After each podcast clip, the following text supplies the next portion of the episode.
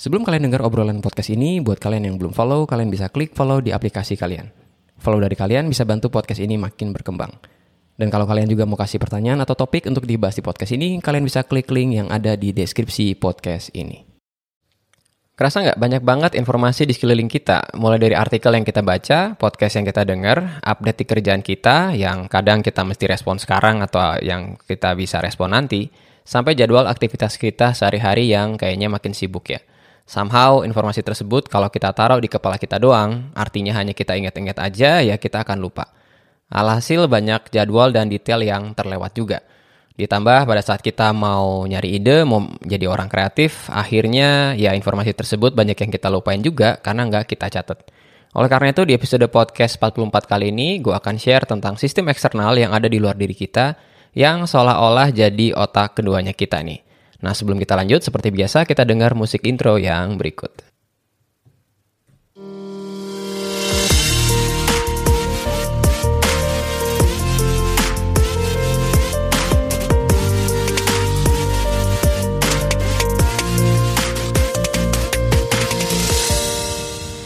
Halo semua, semoga kalian semua dalam keadaan sehat di tengah gelombang COVID yang lagi naik lagi sekarang ya kayaknya. Dan gue berharap kalian tetap produktif dan setiap harinya mendekat ke tujuan kalian masing-masing.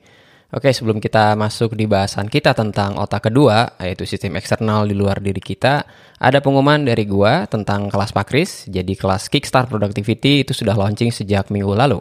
Isinya ada tiga kelas. Yang pertama melatih fokus kurangi stres, yang kedua berhenti menunda, Kemudian yang ketiga, plan your perfect week ya. Tiga kelas ini yang gue pikir bisa kickstart productivity seseorang, di mana kalian belajar tentang melatih fokus gitu gimana, kemudian berhenti nunda-nunda, kemudian bagaimana merencanakan uh, rencana mingguan kalian ya.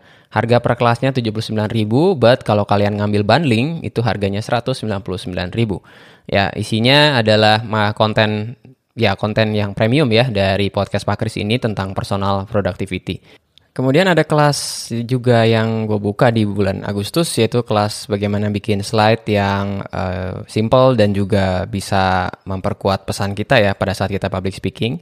Itu dilakukan di minggu kedua, ketiga, dan keempat bulan Agustus. So, kalau kalian pernah lihat gue presentasi, kemudian penasaran gimana cara buat slide-nya, kalian bisa ikut kelas tersebut ya. Semua informasi tentang kelas Pakris itu ada di kelas.christianfredina.com. Kalian bisa kunjungi websitenya, kemudian kalian lihat uh, ada begitu banyak galeri kelas kelas-kelas yang bisa kalian beli di situ. Oke, okay? so that's all about uh, pengumuman dari kelas Pakris. Dan sekarang kita bahas tentang konten kita di episode 44 kali ini, yaitu tentang otak kedua atau sistem eksternal di luar diri kita. Oke, okay, so di sini gue mau sharing tentang ya tadi yang gue bilang ya tentang otak kedua karena uh, ini buku yang lagi gue baca sekarang yaitu Second Brain yang nulis adalah Tiago Forte. Dan kalau kalian mikir lihat dari judulnya mungkin ya kok otak kedua emang satu otak aja nggak cukup ya. Tapi kayaknya satu otak memang nggak cukup. Otak kita seharusnya digunakan buat berpikir ya bukan buat menyimpan sesuatu. Jadi satu otak aja nggak cukup dan beberapa problem yang gue catat yang gue rasakan juga dan juga itu uh, problem tersebut di address di buku ini. Di mana problemnya adalah ya yang pertama kita baca dan dengar banyak informasi di sekeliling kita, bener nggak? Mulai dari artikel di website misalnya, mulai dari konten di Instagram, di TikTok, lalu podcast yang kita dengar juga ya ditambah dengan mungkin pekerjaan kita ya, di mana kita harus baca banyak hal. Nah informasi tersebut uh, mungkin nggak berguna sekarang pada saat kita baca, tapi bergunanya nanti gitu. Cuma kadang kalau kita nggak catat dan ah, ya sering kita catat juga, cuman karena nggak terorganize dengan baik, akhirnya kita lupa gitu. Jadi pada saat kita butuh tentang informasi tersebut, akhirnya kita nggak tahu kita mesti cari informasinya ke mana ya. Ataukah merasa bahwa ada file yang kita terima buat kita baca, tapi kita taruh doang, akhirnya jadi fosil di situ ya di komputer kita. Yang sekarang juga by the way lagi gue coba perbaiki filing system yang ada di komputerku sehingga ya uh, device digital ini bisa bisa dimaksimalkan menjadi otak kedua gue ya. Nah kenapa device digital gue akan ceritain nanti, tapi kita masih ngobrolin tentang problemnya nih ya. Yang kedua, uh, eh, gue yakin kita juga ngerasa makin sibuk ya nggak? Makin sibuk ya. Entah itu sibuknya jelas, entah itu sibuk yang nggak jelas. Ya banyak banget uh, kesibukan di sekeliling kita. Ada aktivitas yang kadang nggak kita catat, ada detail tentang deadline ataupun ada meeting yang kadang kita nggak catat dan akhirnya kita kelewat banyak hal deadline-nya kelewat, kemudian ada detail yang harusnya kita omongin di rapat, kemudian kita lupa karena nggak kita catat, ya kan? Jadi makin ke sini rasanya banyak banget informasi yang kita konsumsi, tapi informasi tersebut akhirnya cuma selewat doang. Padahal informasi tersebut bisa berguna nanti pada saat kita butuh. Oke? Okay? Itu jadi problemnya. Kemudian problem yang lain adalah otak kita jadinya tuh kayak penuh sama informasi, ya nggak? Uh, kita berusaha mengingat sesuatu, kita nyarok banyak hal di otak kita gitu. Dan akhirnya otak kita itu mentok pada saat uh, perlu buat kreatif atau ngeluarin ide, ya. So, itu adalah semua problem yang membuat ide tentang otak kedua ini, orang yang pertama kali memunculkannya adalah Tiago Forte yang bukunya lagi gue baca. Kalau kalian mau baca, gue kasih linknya di deskripsi. Oke, okay? jadi otak kita itu seharusnya digunakan untuk berpikir dan mengeluarkan ide, bukan untuk menyimpan sesuatu. Karena kalau kebanyakan menyimpan atau mengingat sesuatu, ya otak kita jadi nggak kreatif. Dia nggak akan keluar dengan ide yang fresh gitu.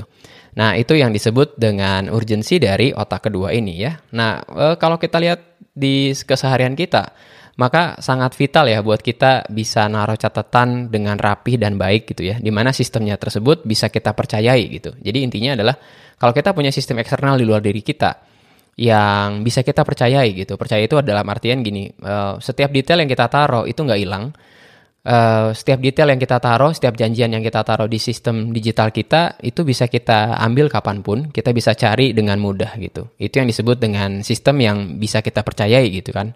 Nah kadang uh, kita nyatetnya di mana-mana gitu. Kita kadang nyatet di notes yang ada di handphone, kadang kita bikin voice note, kadang kita tulis di kertas yang akhirnya kertasnya juga entah ke mana. Itu yang akhirnya membuat semua catatan kita itu jadi sia-sia gitu kan, nggak bisa kita cari lagi.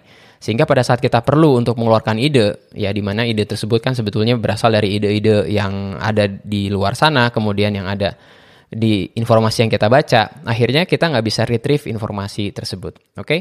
nah supaya kalian kebayang, gue mau share tentang otak kedua yang lagi gue bangun sekarang atau my external system itu terdiri dari beberapa program yang gue taruh di uh, laptop dan juga gue taruh di uh, smartphone. Oke, okay? jadi introducing my second brain ya ini second brainnya Chris dan juga external system dari Chris. Oke, okay, yang pertama adalah kalender ya obviously kalender gitu kan. Cuma banyak orang yang gak ngerti gimana cara pakai kalender yang ada di handphonenya. Jadi kalender itu gue taruh semua janjian dengan orang lain ya. Jadi setiap gue punya satu janjian dengan orang entah itu anything uh, mau itu bentuknya rapat mau itu janjian di zoom gue langsung taruh di kalender ya. Dan di kalender itu gue kasih color code ya. Color code itu ya kode warna yang kalau uh, janjiannya adalah janjian pribadi, gue taruh uh, warna biru ya, di mana warna biru tersebut terasosiasi dengan email yang ada di Gmail gitu kan. Jadi itu yang gue lakukan. Jadi kalau gue ada janjian internal ya, entah itu janjian dengan siapa pun, gue biasanya taruh di kalender yang kalender pribadi gitu. Tapi ada lagi yang gue taruh sebagai kalender bisnis ya di eh, emailku, pakai emailku yang info at christianfredina.com itu warnanya kuning. Nah pada saat gue taruh uh, janjian speaking engagement, eh, speaking engagement misalnya ya, atau coaching, atau gue buka kelas, gue biasanya menggunakan color code warna kuning tersebut, di mana emailnya adalah email bisnis, ya kan? Nah, email bisnis ini langsung terhubung dengan websiteku. Jadi pada saat ada satu speaking engagement di situ, langsung tersinkronize dengan jadwal yang ada di website. Sehingga kalau kalian masuk di websiteku, di situ ada jadwal Chris. Nah, di situ adalah semua jadwal yang ya yang di mana ya? Yang yang gue lagi ada jadwal buat ngomong misalnya atau uh, entah itu mimpin workshop atau mimpin sesi dan sebagainya ya. Kenapa aku lakukan seperti itu? Supaya menghemat waktu aja sebetulnya. Biar kalau ada orang yang mau nanya e, lu bisa nggak datang ke eventku? gitu kan. Dan aku tuh kadang dulu dulu sebelum ada sistem kayak gini uh, aku harus lihat kalender kemudian harus ngasih tahu kalau waktunya bentrok gitu kan ya. Lalu dia tanya waktu available? Tapi gue males buat ngasih tahu semua jadi semua informasinya ada di website jadi setiap ada orang yang mau uh, mau ngundang gitu mereka harus lihat website dulu di mana waktuku kosong gitu oke okay? itu ya ya kosong dan penuh itu relatif ya but in the end Uh, sistem ini bantu gue untuk bisa menghemat waktu pada saat janjian dengan orang dalam hal ini buat hal bisnis atau speaking engagement gitu. Jadi itu kalender janjian dengan orang lain ya. Plus misalnya kalau ada janjian di kampus ya biasanya teman-teman dosen di kampus itu sudah ngerti gimana caranya invite lewat email gitu kan. Begitu invite lewat email maka invitation tersebut akan masuk di kalender ya plus ada link Google Meet-nya kalau memang pakai Google Meet plus ada link Zoom-nya kalau pakai Zoom ya nah kadang banyak orang yang nggak tahu ya jadi cuma sekedar invite tapi invite-nya nggak di invite di email sehingga nggak muncul di kalender gitu loh ya Jadi menurutku hal-hal kecil kayak gini memang perlu waktu buat kalian belajar ya. Tapi begitu kalian pelajari, itu dampaknya luar biasa loh ya. Di mana uh, cuma sekedar janjian, kalendernya tersinkronis, itu bisa bikin menghemat, uh, ya bisa bikin waktu kita tuh jadi hemat gitu. Oke, okay? jadi itu sistem yang pertama kalender. Sistem yang kedua adalah app namanya Notion. Gue akan buat video khusus di YouTube channelku tentang Notion ini gitu kan. Di mana di Notion ini hampir semua kehidupan gue tuh ada di situ. Ya, yang pertama adalah jadwal speaking engagement ya. Dan itu juga asistenku Mas Putut punya akses terhadap Notion tersebut ya. Isinya adalah kapan gue harus ngomong kemudian temanya apa ya. Lalu di dalamnya juga ada surat mungkin uh, dan juga detail tentang tema tujuan sasaran dan sebagainya ya. Plus audiensnya siapa itu semuanya ada di situ ya. Tujuannya adalah sekali lagi menjadikan otak kedua. Jadi gue nggak perlu nginget-nginget nih event minggu depan tuh apa gitu kan. Bahkan kalau gue ditanya sekarang nih sama kalian e, pak atau kok gitu atau Kak Kris uh, buat minggu depan lu ada event apa nggak? Aku nggak bisa jawab sekarang karena aku harus lihat kalender atau lihat Notion gitu. Di situ baru aku tahu ada apa aja gitu kan ya minggu depan gitu ya. Kok seolah-olah jadi nggak tahu jadwal sendiri? Ya memang gue nggak tahu jadwal sendiri gitu kan. Intinya dari otak kedua adalah gue mau membebaskan otak gue buat berpikir, bukan buat menyimpan sesuatu gitu loh. Jadi begitu gue yakin bahwa jadwal gue ada di satu sistem yang memang proven ya, di mana gue bisa tinggal buka Notion dan juga kalender, gue tahu jadwal gue minggu depan gitu kan. Plus semua detailnya, mulai dari audiensnya siapa, kemudian tujuan sasarannya apa gitu, gue bisa lihat di situ. Oke, okay? so that's uh, tentang Notion. Oh, Notion juga gue pakai buat uh, bikin jadwal mingguan ya. Jadwal mingguan tampilannya cukup kompleks. Jadi nanti kalau gue beneran bisa bikin videonya, kalian tinggal cek di video di kelas Pak Kris ya. Ada channel YouTube tersendiri, isinya adalah materi-materi kuliah. Tapi gue udah lama nggak update juga di YouTube tersebut ya. Jadi uh, jadwal mingguan gue taruh di situ, jadwal harian gue taruh di situ ya, plus semua logistik tentang podcast dan juga video ya. Jadi semua detail podcast kayak gini tuh ada di Notion juga. Ya sehingga pada saat uh, filenya beres, gue tinggal taruh di Notion.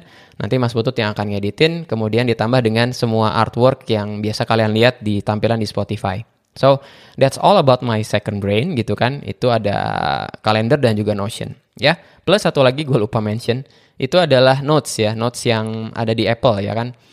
Jadi kalau kalian punya iPhone itu ada notes yang ikonnya warna kuning. Nah biasa gue taruh di situ quick capture ya. Uh, jadi quick capture itu adalah kalau kita punya sesuatu yang harus kita lakukan, gue taruh di situ.